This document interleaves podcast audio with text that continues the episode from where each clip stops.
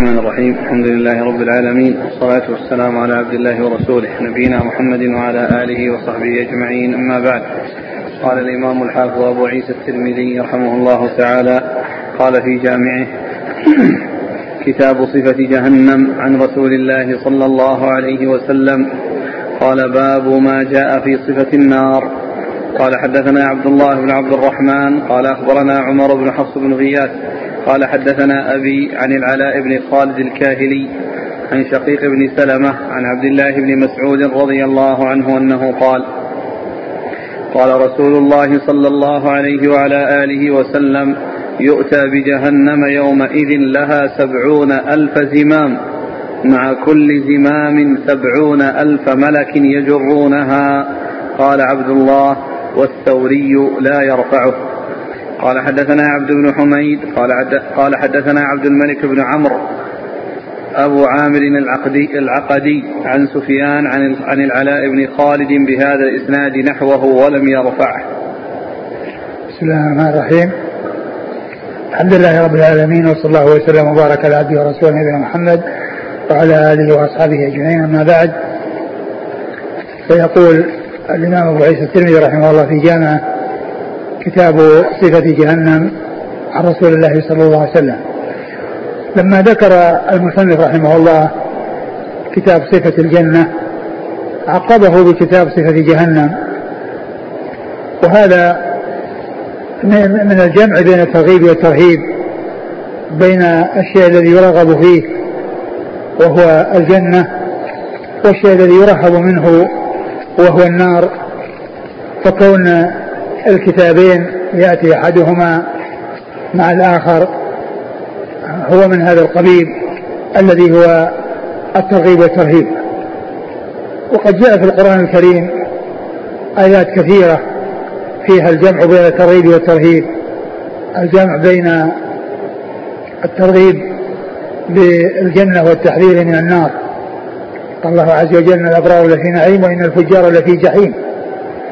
قال فمن يعمل مثقال ذرة خيرا يره ومن يعمل مثقال ذرة شرا يره. وقال نبئ عبادي أني أنا الغفور الرحيم وأن عذابي هو العذاب الأليم. فكثيرا ما يأتي في القرآن الكريم الجمع بين الترغيب والترهيب الترغيب بالجنة وذلك بفعل الأعمال الصالحة التي توصل إليها والترهيب من النار وذلك بالحذر من الأعمال السيئة التي توصل إليها. و وجهنم اسم من أسماء النار. والنار لها عدة أسماء يعني منها جهنم ولظى والحطمة وسقر فهذه من أسمائها. وقد جمع هذه الخمسة الشاعر في بيت وهي قوله جهنم ولظى من بعدها حطمة ثم الجحيم وكل الهول في سقر. فهذه خمسة من أسماء النار آه، جهنم ولظى والحطمة وسقر والجحيم. ثم أورد أبو عيسى باب صفة النار وأورد هذا الحديث عن ابن مسعود رضي الله تعالى عنه أن النبي صلى الله عليه وسلم قال يجاء يوم القيامة بجهنم ولها سبعون ألف زمام في كل زمام سبعون ألف ملك يجرونها. وهذا يدل على عظمها وعلى سعتها وأن الملائكة بهذا العدد الكبير الذين هم سبعون ألف زنان في كل زنان سبعون ألف ملك. يعني معنى ذلك أن أن أن, أن الملائكة الذين يجرون النار عدد كبير. وهو دال على كثرة عدد الملائكة. إذا كان هذا العدد في يجرون النار سبعين ألف بسبعين ألف. سبعين ألف زنام وفي كل زنام سبعون ألف ملك. يعني معناه سبعين ألف بسبعين ألف. هؤلاء يجرون النار. فهذا يدل على عظمها. وجر النار قيل إنه جرها من المكان الذي خلقت فيه. وأنها, وأنها تجر يعني حتى يراها أهل الموقف. والله والله سبحانه وتعالى أعلم. لكن الحديث دال على كثرة الملائكة وأنهم جند لا يحصيه إلا الله عز وجل. وهذا الحديث من الأدلة الدالة على ذلك. ومنها الحديث الذي فيه البيت المعمور في السماء السابعة يدخله كل يوم سبعون ألف ومن دخله لا يعود إليه مرة أخرى. من دخله لا يعود إليه مرة أخرى وكذلك كون السماء ما فيها موضع قدم الله وفيه ملك راتع أو ساجد الله عز وجل. وكذلك أيضا الحديث ما من من أحد إلا ومعه قرين من الجن وقرين من الملائكة. وكل هذا يدلنا على كثرة الملائكة وأنهم جند لا يحصيه إلا الله سبحانه وتعالى. نعم. قال حدثنا عبد الله بن عبد الرحمن. هو الدارمي ثقة أخرجه مسلم وأبو داود والترمذي. عن عمر بن حفص بن غياث. وهو ثقة ربما وهم أخرج أصحاب الكتب إلا ابن ماجه. نعم عن أبيه وهو ثقة أخرج له أصحاب الكتب. نعم. عن العلاء بن خالد الكاهلي. وهو صدوق أخرج له مسلم والترمذي. نعم. عن شقيق بن سلمة. شقيق بن سلمة أبو وائل وهو ثقة مخضرم أخرج له أصحاب الكتب الستة. عبد الله بن مسعود. عن عبد الله بن مسعود الهذلي رضي الله عنه أخرج له أصحاب الكتب الستة. قال حدثنا عبد بن حميد. عبد بن حميد ثقة أخرج له. قال تعليقا ومسلم والترمذي. نعم. عن عبد الملك بن عمرو. هو آه، هو أبو خالد الأحمر وهو أبو عامر العقدي. أبو عامر العقدي وهو ثقة أخرج أصحاب الكتب. نعم. عن سفيان. سفيان هو الثوري ثقة أخرج أصحاب الكتب الستة.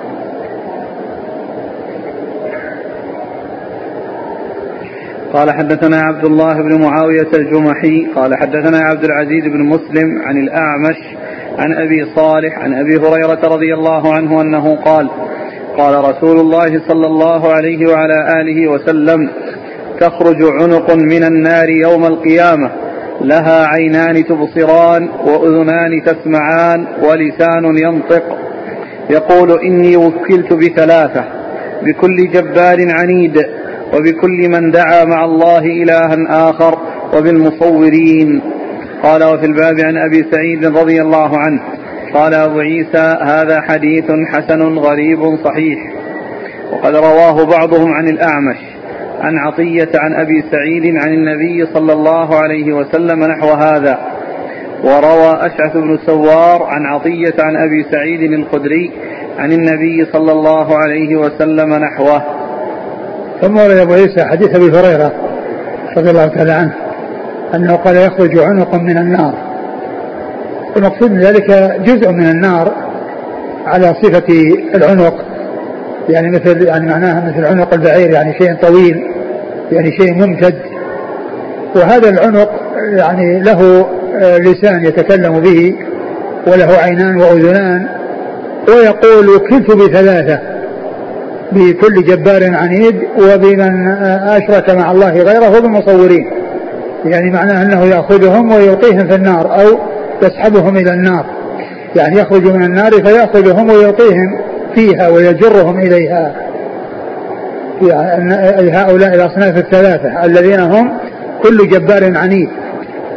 المتكبر المتجبر على الناس الذي يظلمهم ويلحق الضرر بهم وكذلك من أشرك بالله عز وجل كل من دعا مع الله غيره يعني كل من كان مشركا ليس من المسلمين ليس من المؤمنين وكذلك المصورون الذين يظاهرون بفعلهم خلق الله عز وجل. هؤلاء الثلاثة وكل بهم ذلك العنق الذي يخرج من النار ويسحبهم إليها ويلقيهم فيها. نعم. قال حدثنا عبد الله بن معاوية الجمحي. هو؟ ثقة أخرج أبو داود والترمذي وابن ماجه. نعم. قال حدثنا عبد العزيز بن مسلم. هو؟ ثقة أخرج أصحاب الكتب إلا ابن ماجه. نعم. عن الأعمش. الأعمش سليمان بن مهران الجاهلي ثقة أخرج أصحاب الكتب الستة. عن أبي صالح. أبو صالح ذكوان السمان ثقة أخرج أصحاب الكتب الستة. عن أبي هريرة. أبو هريرة رضي الله عنه عبد الرحمن بن صخر الدوسي أكثر الصحابة حديثا. قال وفي الباب عن أبي سعيد. هو سعد بن مالك بن سنان من السبع المكثرين من حديث رسول الله صلى الله عليه وسلم. ورواه بعضهم عن الأعمش عن عطية. عطية بن سعد العوفي صدوق كثير الخطأ أخرج له. المفرد أبو داود والترمذي وابن ماجه. نعم. وروى أشعث بن سوار عن عطية. وهو أشعث. ضعيف المفرد ومسلم والترمذي والنسائي وابن ماجه. نعم. يقول السائل نرجو تبيين الراجح في مسألة التصوير الفوتوغرافي والفيديو لأنها أشكلت علينا. لا شك أن كل هذا يقال له تصوير وهو من الصور والشيء الذي تدعو الحاجة إليه ويكون هناك ضرورة فإنه لا بأس به والشيء الذي لا حاجة إليه لا يجوز تعاطيه نعم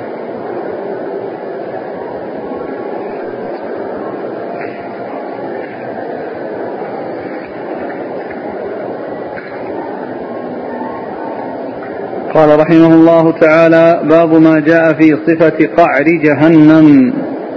قال حدثنا عبد بن حميد قال حدثنا حسين بن علي الجعفي عن فضيل بن عياض عن هشام عن الحسن أنه قال قال عتبة بن غزوان رضي الله عنه على منبرنا هذا منبر البصرة عن النبي صلى الله عليه وعلى آله وسلم أنه قال إن الصخرة العظيمة لتلقى من شفير جهنم فتهوي فيها سبعين عاما وما تفضي إلى قرارها. قال وكان عمر يقول أكثروا ذكر النار فإن حرها شديد وقعرها بعيد. أكثروا ذكر النار فإن حرها شديد وإن قعرها بعيد وإن مقامعها حديد. قال أبو عيسى لا نعرف للحسن سماعا من عتبة بن غزوان. وإنما قدم عتبة بن غزوان البصرة في زمن عمر وولد الحسن لسنتين بقيتا من خلافة عمر. ثم أورد أبو عيسى هذه الترجمة وهي باب في صفة قعر جهنم. في صفة قعر جهنم. أي أنها قعرها شديد. وأورد هذا الحديث عن عتبة بن غزوان رضي الله عنه أن النبي صلى الله عليه وسلم قال إن أن النار إن الصخرة العظيمة. إن الصخرة العظيمة يلقى بها في جهنم فتكون سبعين خريفا لا تبلغ قعرها. وقال عظيمة صخرة عظيمة يعني معناها أنها سريعة الهوي يعني لثقلها. ومع ذلك كل هذه المسافة وهذه المدة لا تصل إلى قعر جهنم وهي يدل على يعني شدة قعرها. وعلى بعدها في يعني سفلها وأنها بعيدة بعيدة القعر. الصخرة العظيمة تكون إذا ألقيت فيها لمدة سبعين خريفا أو سبعين عاما لا تصل إلى قعرها والعياذ بالله. فهذا دليل واضح على شدة قعر جهنم.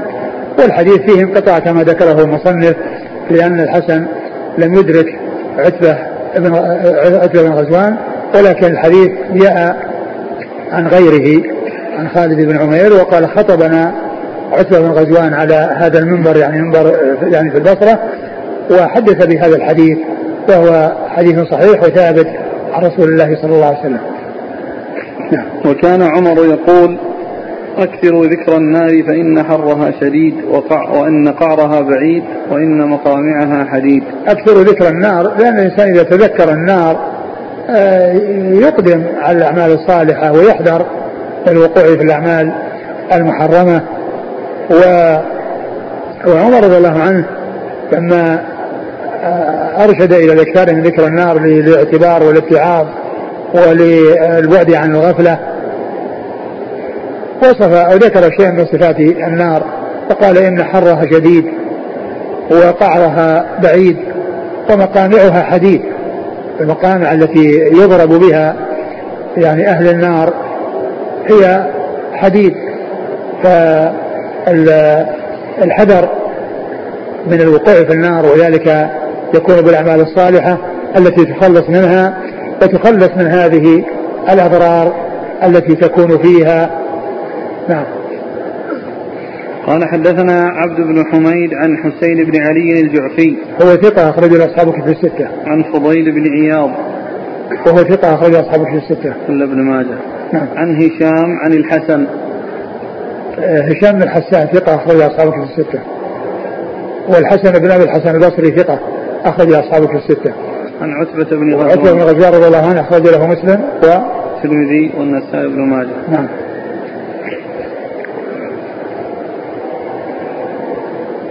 قال حدثنا عبد بن حميد قال حدثنا الحسن بن موسى عن عن ابن لهيعة عن دراج عن أبي الهيثم عن أبي سعيد رضي الله عنه عن رسول الله صلى الله عليه وآله وسلم أنه قال الصعود جبل من نار يتصعد فيه الكافر يتصعد فيه الكافر سبعين خريفا ويهوي به كذلك منه أبدا. قال أبو عيسى هذا حديث غريب لا نعرفه مرفوعا إلا من حديث ابن لهيعة. ثم أورد أبو عيسى هذا الحديث الذي فيه بيان الصعود الذي جاء في القرآن سأرهقه صعودا وأنه جبل من نار جبل من نار يتصعد. يتصعده سبعين خريفا وينزل منه سبعين خريفا فهو دائما وأبدا في صعود ونزول. آه، في صعود ونزول يعني أي أن أن أن من كلف ذلك وعذب بذلك يكون هذا شأنه. والحديث في إسناده ابن لهيعة وفيه رواية دراج أبي السمح عن أبي الهيثم. نعم. قال حدثنا عبد بن حميد عن الحسن بن موسى. هو؟ ثقة أخرج أصحاب الكتب. عن ابن لهيعة. بن لهيعة عبد الله. بن لهيعة وهو صدوق اختلط وروى له. مسلم وأبو داود والترمذي وابن ماجه. نعم. عن دراج. دراج أبو السمح وهو صدوق كثير صدوق في روايته ضعف. عن أبي الهيثم. ومنهم من يضعفه في روايته مطلقا. والحافظ ذكر أنه في روايته عن أبي الهيثم ضعف. نعم. المفرد وأصحاب السنن. نعم. عن أبي الهيثم. هو ثقة أخرج أصحابه في الستة. قال المفرد وأصحاب السنن. نعم.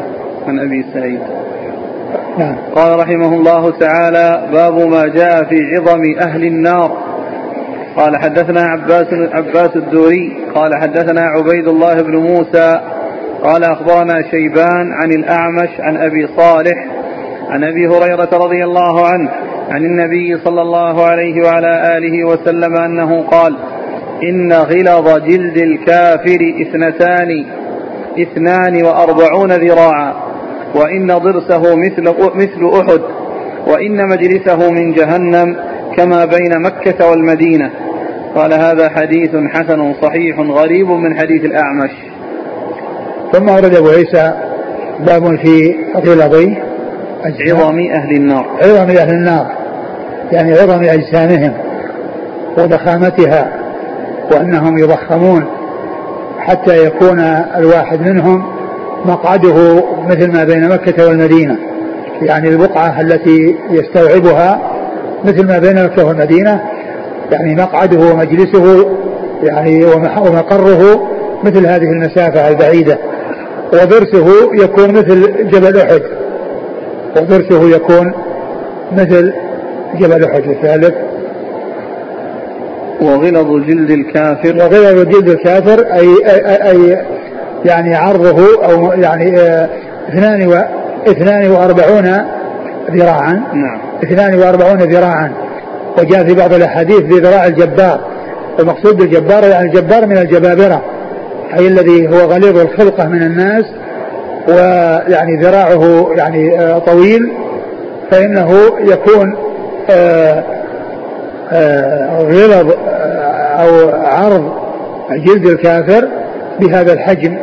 الذي هو 42 ذراعا وهذا يدل على ضخامة أجسامهم وأنه يض- يضخم خلقهم وهذا هو شأن أهل النار أنهم يضخمون حتى يكونون بهذا بهذا الحجم. وأما أهل الجنة فقد مر أنهم يكونون على خلق آدم وأنهم طول ستون ذراعا في السماء كما جاء بذلك الحديث عن رسول الله صلى الله عليه وسلم. وإذا كان الواحد من أهل النار يكون بهذا الحجم وبهذا ال- ال- الضخامة وأنه يستوعب مثل هذا المكان يدلنا على عظم النار وعلى كبر سعتها وعلى ضخامتها وأن الكافر إذا كان يستوعب الواحد مثل هذه المسافة ومثل هذه البقعة معنى ذلك أنها في غاية السعة والعياذ بالله. وهي أيضا طبقات طبقات بعضها أسفل من بعض ودركات كما أن الجنة درجات بعضها من بعض فإن النار دركات بعضها أسفل من بعض. وليس المقصود بالجبار أنه يعني المقصود به الله عز وجل وإنما المقصود به جبار من الجبابرة. وقد يعني ذكر ذلك أهل العلم والحديث صحيح يعني في هذا ولكن ليس المقصود ليس من آيات الصفات. ولهذا قال الذهبي ليس هذا من الصفات في شيء. ليس هذا من الصفات في شيء. ولهذا الجبار يذكر ويراد به الجبار من الجبابرة. ولهذا جاء في قصة إبراهيم مع مع يعني سارة. وأن قال الجبار كذا وفعل الجبار كذا. جاء ذكر الجبار في عدة مواضع في قصة آه، إبراهيم وسارة. نعم. قال حدثنا عباس الدوري. ثقة أخرج أصحاب السنن عن عبيد الله بن موسى. ثقة أخرج أصحاب الكتب الستة. عن شيبان. هو هو ابن عبد الرحمن. ثقة أخرج أصحاب الكتب الستة. عن الأعمش. عن أبي صالح. عن أبي هريرة. نعم. قال حدثنا علي بن حجر. قال أخبرنا محمد بن عمار. قال حدثني جدي محمد بن عمار وصالح مولى التوأمة.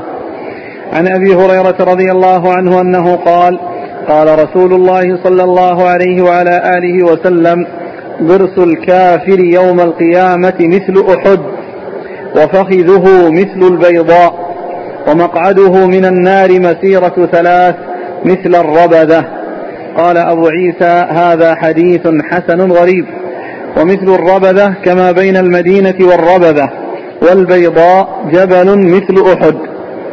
قال حدثنا أبو كريب قال حدثنا مصعب بن المقدام عن فضيل بن غزوان عن أبي حازم عن أبي هريرة رضي الله عنه رفعه قال ضرس الكافر مثل أحد. قال أبو عيسى هذا حديث حسن. وأبو حازم هو الأشجعي اسمه سلمان مولى عزة الأشجعية. ثم رد أبو عيسى هذا الحديث عن رسول الله صلى الله عليه وسلم أنه قال أن أن ضرس الكافر نعم. مثل أحد.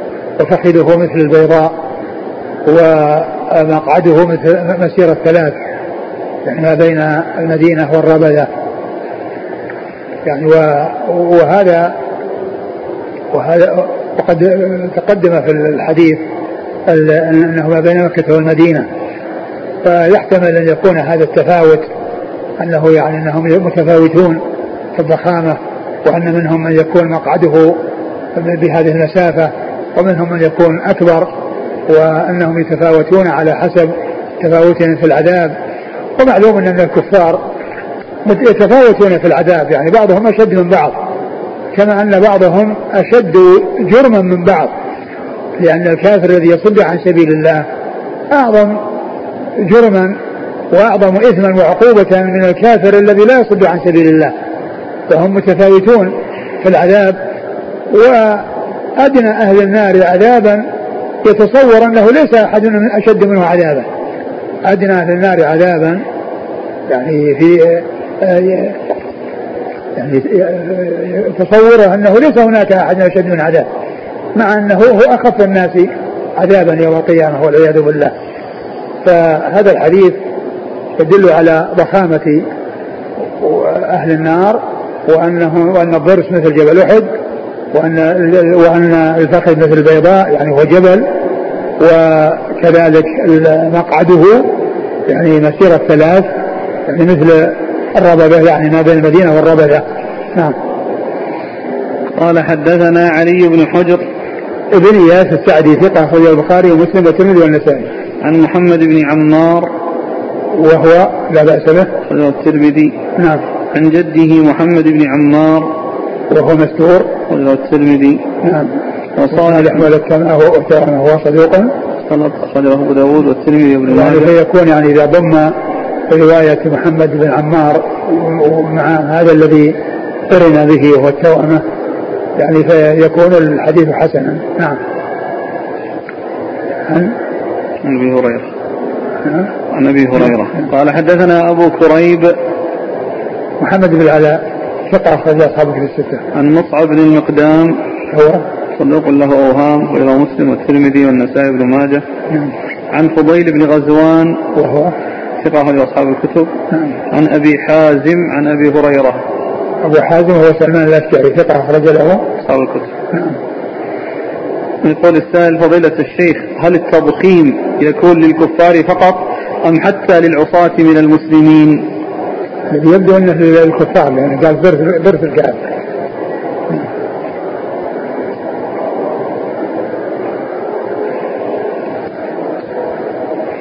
يقول إذا كان الفخذ مثل البيضاء وهو مثل جبل أحد فهل تكون الضرس مثل الفخذ؟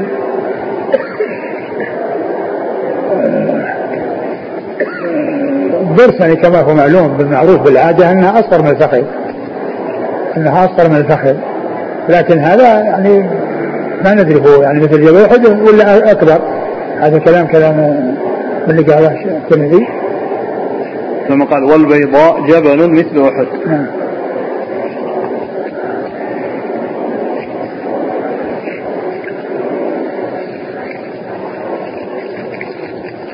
الذي يبدو التفاوت حاصل بين الضرس وبين الفخذ. الفخذ يختلف عن الضرس يعني في الحجم والمقدار.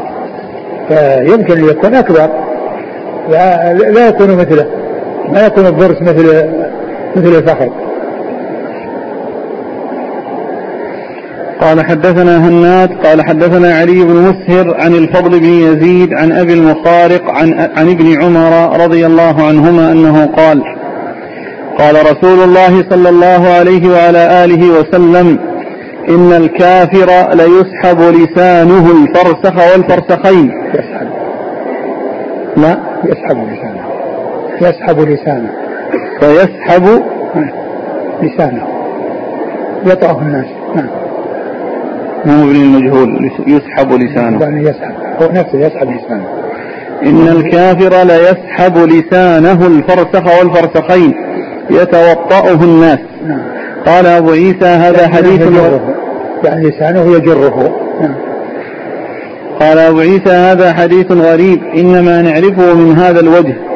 والفضل بن يزيد هو كوفي قد روى عنه غير واحد من الأئمة وأبو المخارق ليس بمعروف.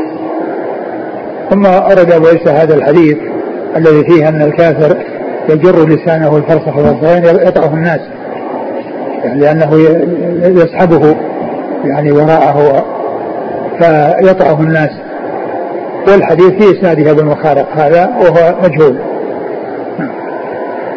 قال حدثنا هناد هو ثقة أخرج له البخاري في خلق أفعال العباد ومسلم وأصحاب السنة. عن علي بن مسهر وهو ثقة أخرج أصحاب الكتب الستة. عن الفضل بن يزيد وهو ثقة صدوق وله الترمذي. نعم. عن أبي المخارق وهو مجهول وله الترمذي. نعم. عن ابن عمر عبد الله بن عمر رضي الله عنهما أحد العبادلة وأحد السبع المكثرين حديث رسول الله صلى الله عليه وسلم. قال رحمه الله تعالى باب ما جاء في صفة شراب أهل النار قال حدثنا أبو كريب قال حدثنا رشدين بن سعد عن عمرو بن الحارث عن دراج عن أبي الهيثم عن أبي سعيد رضي الله عنه عن النبي صلى الله عليه وسلم في قوله كالمهل قال كعكر الزيت. كعكر, كعكر الزيت. فإذا كعكر عكر. ولا عكر؟ شوف ضبطها وضع عندنا بالكسر شرح. الشكل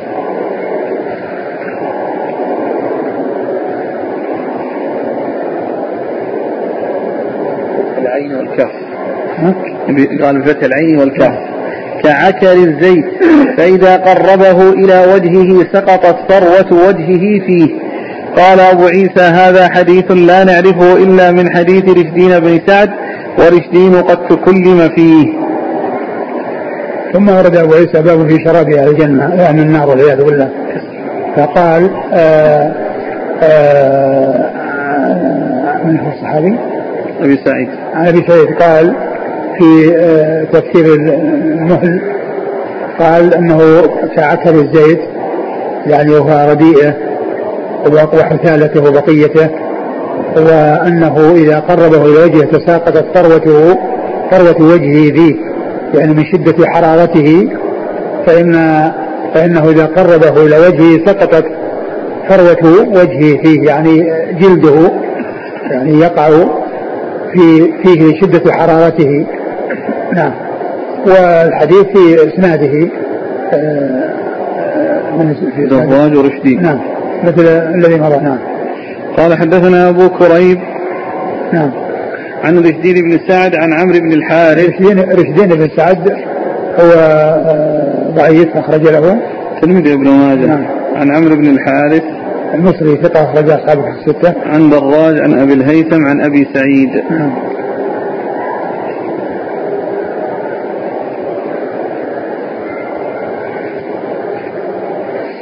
قال حدثنا سويد قال أخبرنا عبد الله قال أخبرنا سعيد بن يزيد عن أبي السمح عن ابن حجيرة عن أبي هريرة رضي الله عنه عن النبي صلى الله عليه وسلم أنه قال إن الحميم ليصب على رؤوسهم فينفذ الحميم حتى يخلص إلى جوفه فيسلت فيسلت ما في جوفه حتى يمرق من قدميه وهو الصهر ثم يعاد كما كان.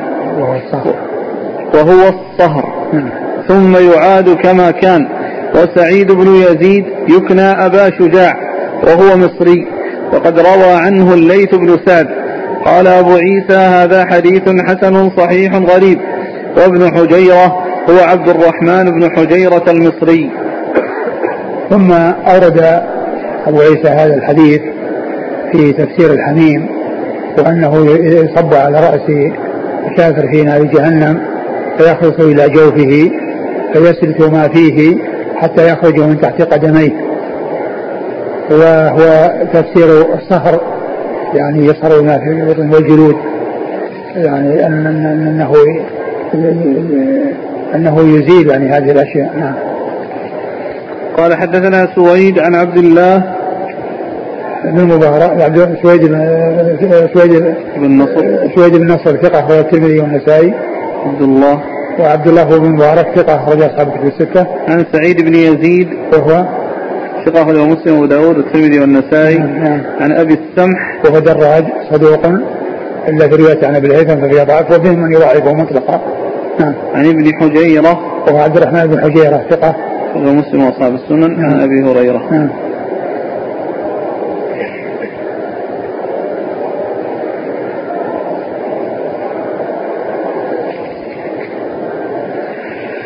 قال حدثنا سويد بن نصر قال أخبرنا عبد الله قال أخبرنا صفوان بن عمرو عن عبيد الله بن بسر عن أبي أمامة رضي الله عنه عن النبي صلى الله عليه وسلم في قوله ويسقى من ماء من ماء صديد يتجرعه. قال يقرب إلى فيه فيكرهه فإذا أدني منه شوى وجهه ووقعت ثروة رأسه فإذا شربه قطع أمعاءه حتى تخرج من دبره. يقول الله وسقوا ماء حميما فقطع أمعاءهم ويقول وإن يستغيثوا يغاثوا بماء كالمهل يشوي الوجوه بئس الشراب. قال أبو عيسى هذا حديث غريب. ثم ورد أبو عيسى هذا الحديث في آه، تفسير ويسقى من ماء صديد يتجرعه. يتجرعه. أنه إذا قرب إلى وجهه سقطت يقرب إلى فيه فيكرهه. يقرب إلى فيه فيكرهه. فإذا أدني منه شوى وجهه ووقعت فروة رأسه. نعم فإذا دنا منه شوى وجهه ووقعت فروة رأسه يعني جلدة رأسه. نعم. فإذا شربه قطع أمعاءه حتى تخرج من دبره. نعم. يقول الله وسقوا ماء حميما فقطع أمعاءهم. نعم. ويقول وإن يستغيثوا يغاثوا بماء كالمهل يشوي الوجوه بئس الشراب. نعم. قال حدثنا سويد بن نصر عن عبد الله عن صفوان بن عمرو. هو ثقة البخاري بن مفرد ومسلم وأصحاب السنن. نعم. عن عبيد الله بن بسر وهو مجهول. رجل الترمذي والنسائي. نعم. عن أبي أمامة. سدي بن عجلان الباهلي رضي الله عنه أخرج له أصحاب كتب الستة. وهكذا قال محمد بن إسماعيل عن عبيد الله بن بسر ولا نعرف عبيد الله بن بسر إلا في هذا الحديث. وقد روى صفوان بن عمرو عن عبد الله بن بسر رضي الله عنه صاحب النبي صلى الله عليه وسلم غير هذا الحديث. وعبد الله بن بسر له أخ قد سمع من النبي صلى الله عليه وسلم وأخته قد سمعت من النبي صلى الله عليه وسلم. وعبيد الله بن بسر الذي روى عنه صفوان بن عمرو هذا الحديث رجل آخر ليس بصاحب. يعني ليس بصحابي.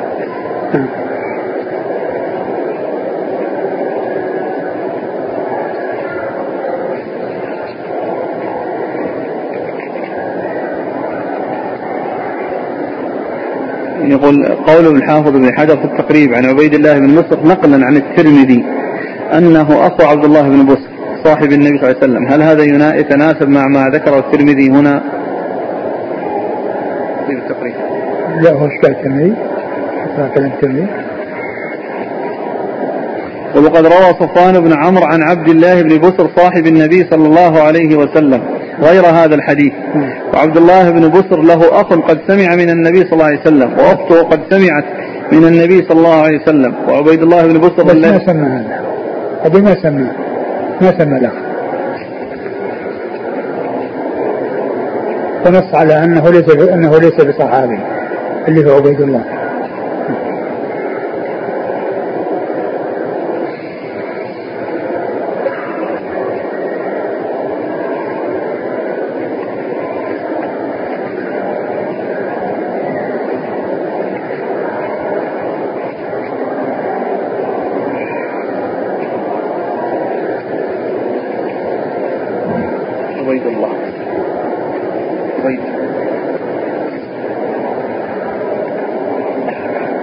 لأن الحافظ في التقريب يقول عبيد الله بن بصر بضم الموحدة وسكون المهملة حمصي مجهول من الرابعة.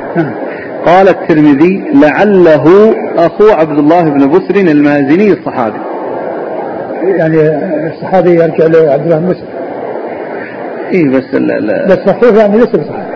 ها؟ أخوه ليس بصحابي. عبيد الله ليس بصحابي. هو له اخو صحابي. إيه؟ لكن ما سماه طيب فنسبة الكلام هذا بعدين قال هنا عبيد الله ليس بصحابي فنسبة الكلام هذا للترمذي. الآن ابن حجر يقول قال الترمذي. هنا هل يستقيم النسبة الآن؟ قال الترمذي لعله أخو عبد الله بن بصر المازن الصحابي. هل يستقيم هذا النقل؟ قال لعله. إيش؟ يمكن حافظ بن حجر في التقريب ينقل عن الترمذي. على النسخة الموجودة معنا ما موجود الكلام لكن نسخة الشيخ مشهور. أضاف هذا. بعدما قال وعبيد الله بن بصر الذي روى عنه صفوان بن عمر حديث أبي أمامة لعله أن يكون أخا عبد الله بن بصر. بس هذا ما يسر يعني بعد من لأنه ما بصح لا لا ليس الإشكال في هذا. كان الأخ السائل يقول كيف ابن حافظ بن حجر ينقل عن الترمذي كلام ما هو موجود أصلا في النسخه اللي معنا. إيه؟ لأن ما ذكر الترمذي أن عبيد الله هو أخو عبد الله. قال له أخ لكن لم يسميه. أيه؟ فمن أين الحافظ بن حجر أنه قال؟ قال الترمذي عبيد الله لعله أخو عبد الله. فتبين أن من النسخة هذه نعم. الثانية من النسخة اللي معنا ما فيها ذكر الكلام.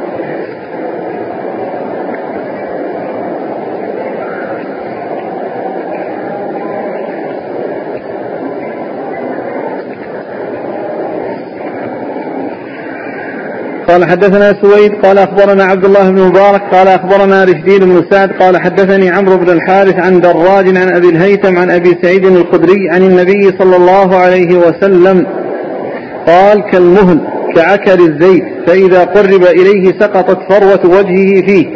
وبهذا الإسناد عن النبي صلى الله عليه وسلم قال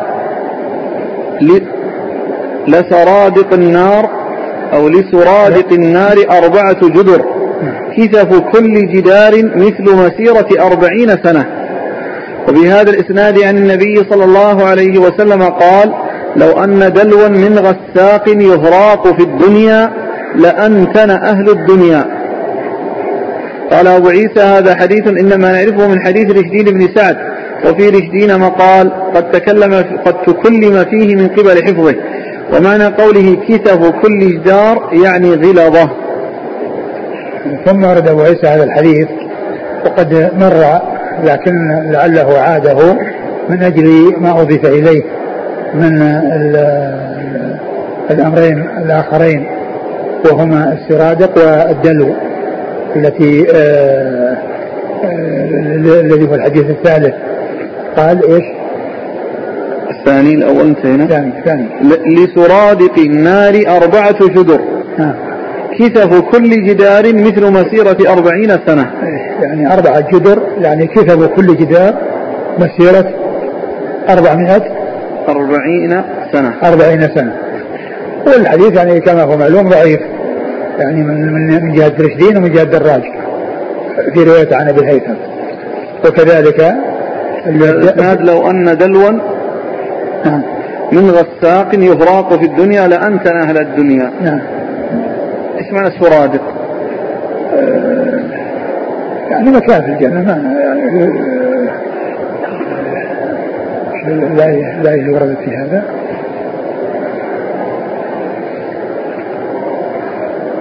السرادق كل ما أحاط بشيء من حائط أو مضرب أو خباء هذا الشرح إيه؟ وهو إشارة إلى قوله تعالى إنا أعتدنا للظالمين نارا أحاط بهم سرادقها. نعم.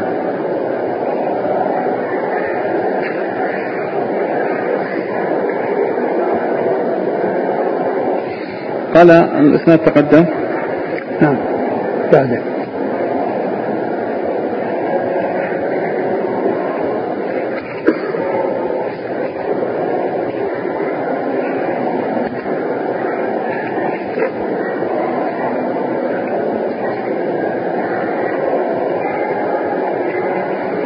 قال حدثنا محمود بن غيلان قال حدثنا أبو داود قال أخبرنا شعبة عن الأعمش عن مجاهد عن ابن عباس رضي الله عنهما أن رسول الله صلى الله عليه وسلم قال أن رسول الله صلى الله عليه وسلم قرأ هذه الآية اتقوا الله حق تقاته ولا تموتن إلا وأنتم مسلمون.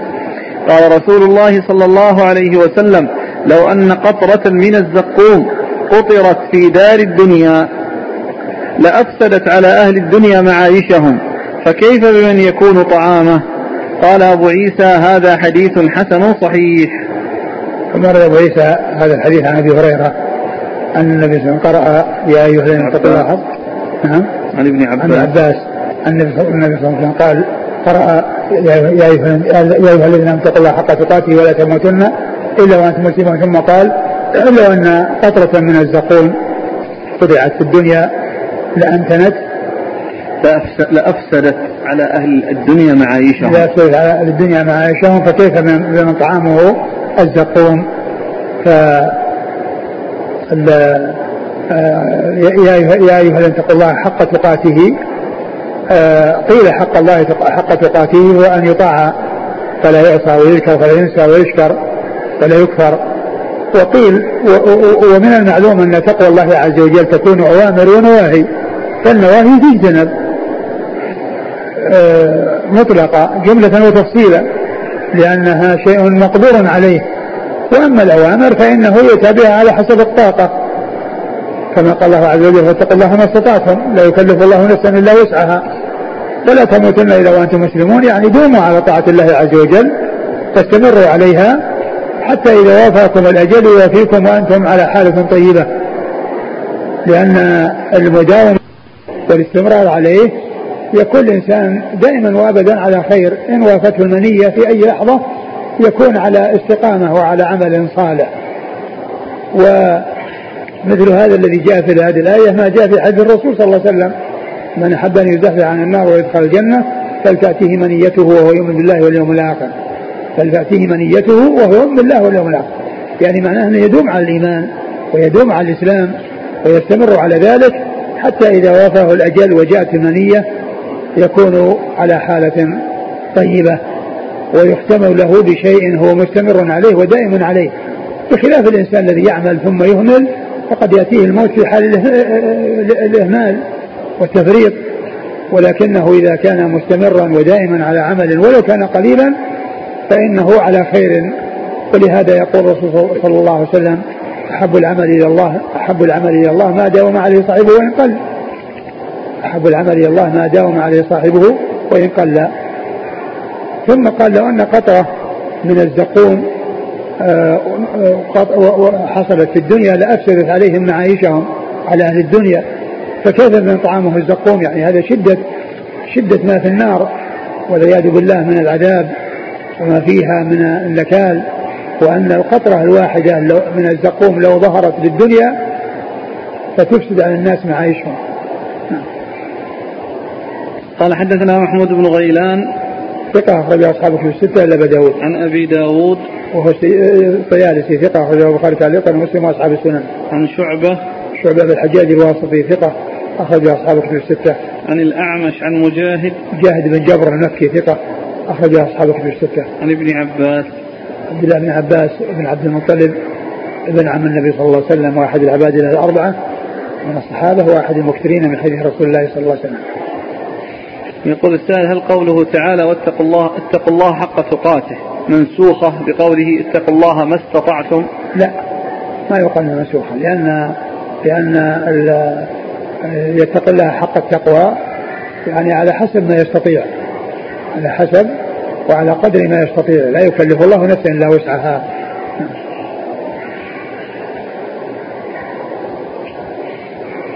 ضعيف وجه تضعيف الشيخ الألباني الحديث. كأن فيه يقول فيه بين الأعمش وبين مجاهد شخص. قال رحمه الله تعالى باب ما جاء في صفة طعام أهل النار. قال حدثنا عبد الله بن عبد الرحمن الله تعالى على ما صلى الله وسلم وبارك على نبينا ورسوله نبينا محمد وعلى آله وأصحابه أجمعين. جزاكم الله خيرا وبارك الله فيكم ألهمكم الله الصواب والحق ونفعنا الله بما سمعنا وغفر الله لنا ولكم وللمسلمين أجمعين وأجارنا الله من النار. آمين. آمين.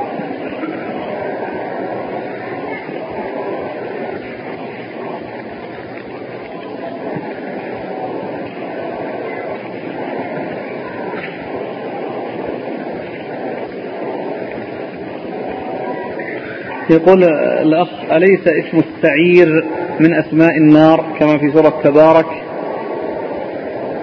قلنا من أسماء النار؟ السعير والنار وجهنم واللظى والحطمة والجحيم. يعني صارت ستة؟ نعم يمكن يظهر أكثر من كذا. يقول ما حكم المحاضرات في الفقه والعقيدة التي تنقل عبر القنوات الفضائية؟ هل هي من التصوير؟ وهل هناك خلاف في هذا؟ هذه هي من التصوير لكن يعني بعض أهل العلم يقول أنها يعني مصلحة عظيمة وفائدة كبيرة يعني آه، وفي يعني آه، في مفسدة يعني آه، أقول فيها مفسدة ولكن يترتب عليها مصالح يعني عظيمة. فالذين آه، أجازوا ذلك من أهل العلم رأوا أن هذه مفسدة آه، يعني آه، يحصل من معها يعني مصالح عظيمة ومنافع واسعة تصل إلى العالم ويستفيد منها من شاء الله عز وجل من العباد. نعم.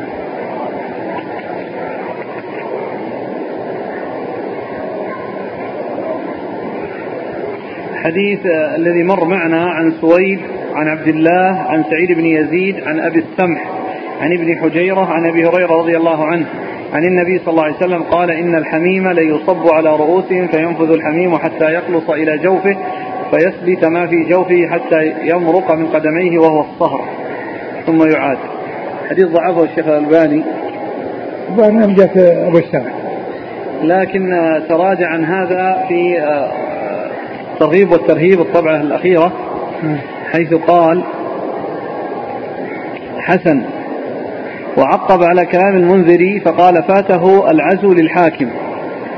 وبخاصة أن البيهقي روى عنه وقال صحيح الإسناد ووافقه الذهبي وإنما هو حسن فقط لأنه من رواية دراج عن ابن حجيرة وليس عن أبي الهيثم.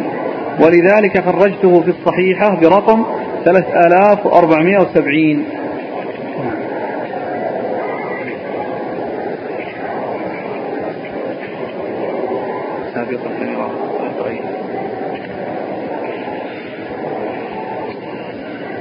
يقول هل من المناسب إذا ذكر الإنسان النار في كلامه أو في كتبه أن يقول عقبها أجارنا الله منها أو أعاذنا الله منها بمنه وكرمه؟ وهكذا إذا ذكر الإنسان مرضا خطيرا فيقول مثلا عافانا الله والسامعين. له له ذلك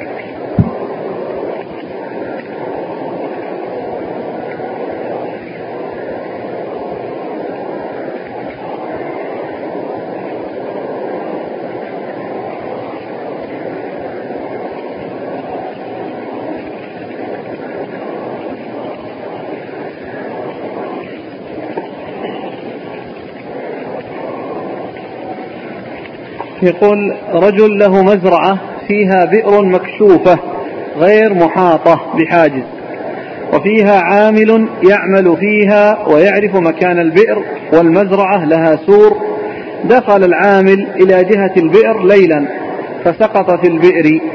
فهل على صاحب المزرعة شيء من ناحية التفريط؟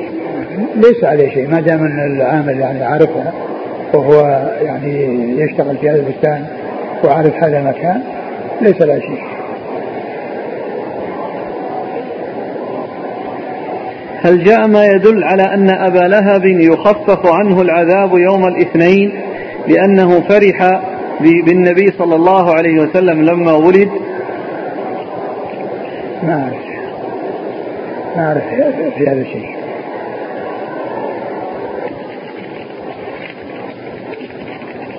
يقول في بلادنا ونحن من إحدى الدول العربية قام رجل من إحدى القبائل بقتل رجلين من قبيلة أخرى قتلهما غدرا. ثم ذهب مجموعة من القبيلتين إلى أحد مشايخ القبائل ليحكم بينهم. فحكم على القاتل بدفع خمسة وعشرين مليون أي ما يعادل نصف مليون ريال سعودي. وهذا المبلغ لأجل, لأجل الغدر فقط. لأنه قتلهم غدرا. أما الدم ما زال معلقا.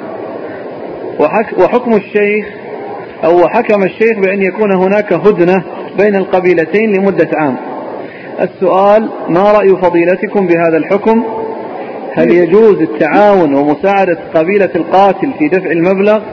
وهل يجوز أن يكون ذلك من الزكاة؟ كيف كيف يكون؟ آه، يعني هذا حكم والقتل لا يزال يعني أمره معلق. إيش إيش إيش إيش الفائدة من وراء هذا؟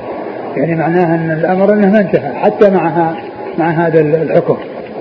يعني معناه أن قضية القتل معلقة وأن أن أولئك يعني ما انتهوا من من من المطالبة ولو أعطوا هذا المقدار فالحكم بغير ما أنزل الله لا يجوز والإنسان إذا إذا كان عنده علم بالأحكام الشرعية واحتيج إليه لا سيما في بلاد ليس فيها تحاكم ليس فيها محاكم شرعية وطلبوا منه أن يحكم بينهم بالشرع وهو عنده قدرة هذا لا بأس به. أقول هذا سائر ولكن كونه يحكم بشيء ليس له أساس. ثم أيضا آه، هذا الحكم ما ما انتهى بل القتل لا يزال. مشكلته وقضيته باقية. إذا ما هي الفائدة من وراء هذا؟ أما كونه يصلح بين الناس أو أنه آه، يطلب منهم يعني الامساك عن عن التقاتل وعن كذا وأن يتوقفوا هذا هذا شيء طيب. كل يعني شيء فيه آه، آه، الامساك عن سفك الدماء واحدار وإتلافها يعني والصلح الذي آه، فيه خير لا بأس بذلك. نعم. هذا الأخ يسأل عن العنعنة إذا وجدت في الإسناد وكان الرواة كلهم ثقات هل يحكم على الإسناد والحديث بالصحة؟ ومتى تقبل العنعنة؟ ومتى ترد؟ العنعنة إذا كانت من غير مدلس فهي محمود على الاتصال العنعنة إذا كانت من غير مدلس فهي محمولة على الاتصال ولا إشكال فيها. وإنما الإشكال في العنعنة المدلس هذا هو الذي فيه الإشكال. وأما غير المدلس عن عنته ما فيها أي إشكال. محمولة على الاتصال. مثل قول سمعت من ناحية الحكم من أنه متصل. ما فيه ما فيه انقطاع.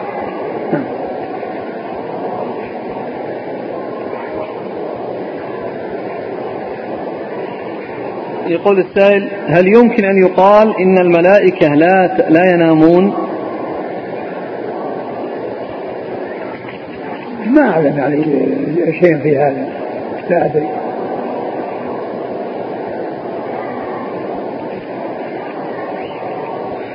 هل من يشاهد أو يتصل بالساحر يستحق العقاب كمن أتاه وسأله؟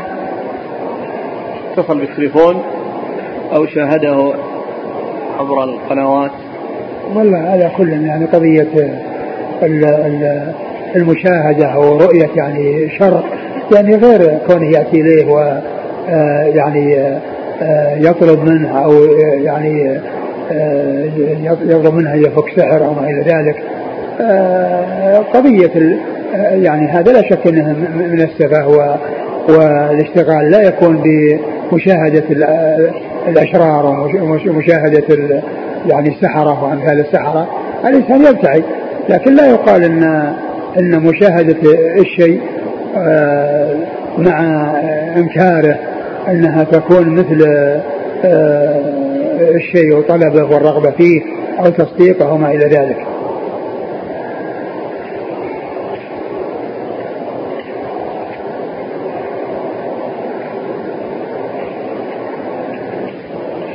يقول هل يجوز للمسلم أن يهجر أخاه المسلم لأنه يؤيد الجهاد في العراق؟ الواجب أنه ينصح. الواجب أنه ينصح الإنسان الذي يقوم بهذه الطريقة. لأن العراق الآن الشيء الذي نسمع فيه ما فيه إلا تقتيل العراقيين. العراقيين يقتلون يوميا. وهذا ليس جهاد. هذا فتن. وسؤال آخر يقول هل يزجر من لم يقاطع المنتجات الدنماركية؟ كما هو معلوم المقاطعة المقاطعة إنما تكون بعدم الاستيراد. وأما إذا كان شيء قد استورد ووصل إليهم ثمنه فإن هذا لا يقاطع لأنه إلا أن التلف علينا وليس عليهم هم.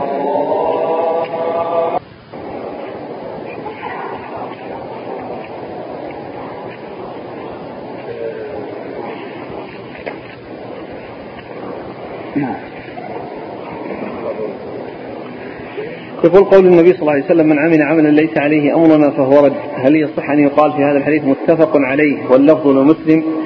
لأن الاتفاق في هذا الحديث من أحدث في أمرنا هذا فهو رد. الاتفاق على من أحدث، وأما من عمل عملا ليس عرفه من أفراد مسلم. ومعلوم أن هذا اللفظ أعم من الأول. لأن قول من عمل عملا يشمل ما إذا كان أحدثه أو تابع من أحدثه. وأما الأول فإنه متعلق بالإحداث. والثاني يشمل الإحداث والمتابعة على الإحداث. سواء كان هو الذي أحدثه أو لم يحدثه ولكنه تابع من أحدثه فعمله فهو عم وأشمل من, من الأول. لا يقال أنه متفق عليه بهذا اللفظ. متفق عليه في اللفظ الأول. من أحدث هذا موجود عند البخاري ومسلم. هل ورد عن السلف تفسير استوى باستقر؟ آه هي عبارات أربعة ذكروها في استوى. يعني آه أعلى وارتفع. واستقر وصعد. وصعد نعم. يقول تمر علينا أحاديث كثيرة فيها مدلس ثقة وعنعن ومع ذلك يحكم لها بالصحة كعنعنة الأعمش. نعم الأعمش عن عنته عن بعض عن بعض الشيوخ مثل الذين أكثر عنهم أبي صالح. يعني ذكر ذلك العلماء يعني رواية محمولة على الاتصال إذا كان عن بعض شيوخه الذين أكثر عنهم ومنهم أبو صالح. نعم. يقول فضيلة الشيخ استقمت مؤخرا والحمد لله وأنا بحاجة لطلب العلم. ولكن لي والدان كبيران غير مكتفي مكتفين. وأخشى إن عملت أن أشتغل وأنصرف عن العلم فبما تنصحني في بداية هذا الطريق؟ إذا كان أبواك بحاجة إليك وليس هناك أحد يقوم مقامك ولا تستطيع أن آه، تجعل أحد يقوم مقامك فأنت اعمل على خدمتهما وملازمتهما والإحسان إليهما. ولا تهملهما وتتركهما وهما بحاجة إليك. أما إن كان هناك من يغني عنك من إخوانك وكذلك أو أنك عندك قدرة آه، تستأجر يعني من يقوم يعني بخدمتهما والقيام بشأنهما وإلا فيتعين عليك ملازمتهما والإحسان إليهما. هل وردت أدلة على أن أرواح الأموات تتلاقى؟ ما أدري. ما حكم من يسجد للصنم أو يطوف على قبر لأجل مطامع دنيوية كترشيحه للانتخابات ونحو ذلك؟ أقول آه، غاية سيئة وسيلة سيئة وغاية سيئة. يعني جمع بين السوء في البداية والنهاية. والعياذ بالله. يعني يبيع الدنيا بالدين. يعني معناه أنه يعني يسجد لغير الله من أجل يحصل دنيا نعم. هل يخلد في النار من مات على الشرك الأصغر؟ لا ما يخلد. الشرك الأصغر لا يخلد فيه وإنما يعني الخلاف بين أهل العلم هل يعذب عليه أو أنه يغفر. فهذا في خلاف بين أهل العلم وأما كونه يخلد لا يخلد. وما ضابط الشرك الأصغر؟ ضابط الشرك الأصغر يعني غالبا يكون في الأقوال مثل ما شاء الله وشاء فلان ما شاء الله مثل حلف بغير الله وغير ذلك. كذلك مثل يسير الرياء. رجل بدل أن يخرج زكاته نقود يعطي أحد موظفيه سكن من أملاكه من غير أجرة ويعتبر أجرة السكن من الزكاة التي يعطيها لهذا الموظف. فهل يجوز؟ الموظف يعطيه أجرته من المال ولا يعطيه من الزكاة، الزكاة آه تعطى لمن يستحقها من الفقراء والمساكين. وأما العامل الذي عنده وهو أجير فإنه يعطيه أجرته يعطيه أجرته وإذا كان العامل له عائلة وله أقارب ويعني هذا الذي يعطيه لا يكفيهم وأعطاه من الزكاة يعني ليعطيهم لهم هذا لا بأس له. أما أن يعطي أجرة من الزكاة أو يصرف الأجرة من الزكاة فهذا فهذا عمل لا يجوز لأن الزكاة لها مصارف ولا تدفع في مقابل عمل أو في مقابل استخدام. هذا يقول من يقول بأن يعني التصوير لأجل الإفادة ونشر العلم يقول أليس في المذياع الراديو؟ غنية في إيصال العلم والدين للعالم مع ما في هذه القنوات من ارتكاب التصوير المحرم وفيها الإعلانات الماجنة هو لا شك يعني هو ذاك يكفي لكن ما كل يعني يقتصر على المذياع لأن الذين يشاهدون يعني ويعنون بالمشاهدة ويحصلون على المشاهدة غير الذين يسمعون. فالذين رأوا من أهل العلم أن مثل هذه المفسدة يعني تغتفر في جانب المصالح الكبيرة العظيمة اللي تترتب عليها يعني هذا هو وجههم. يقول أفتونا في التعامل في الأسهم والبورصة سواء في الشركات أو البنوك الربوية. أقول هذه يكتب للإفتاء المسؤولين عن الإفتاء بتفصيل يعني هذه الأشياء و... ويأتيهم الجواب إن شاء الله. يأتي منهم الجواب. جزاكم الله خيرا. سبحانك اللهم وبحمدك أشهد أن لا إله إلا أنت.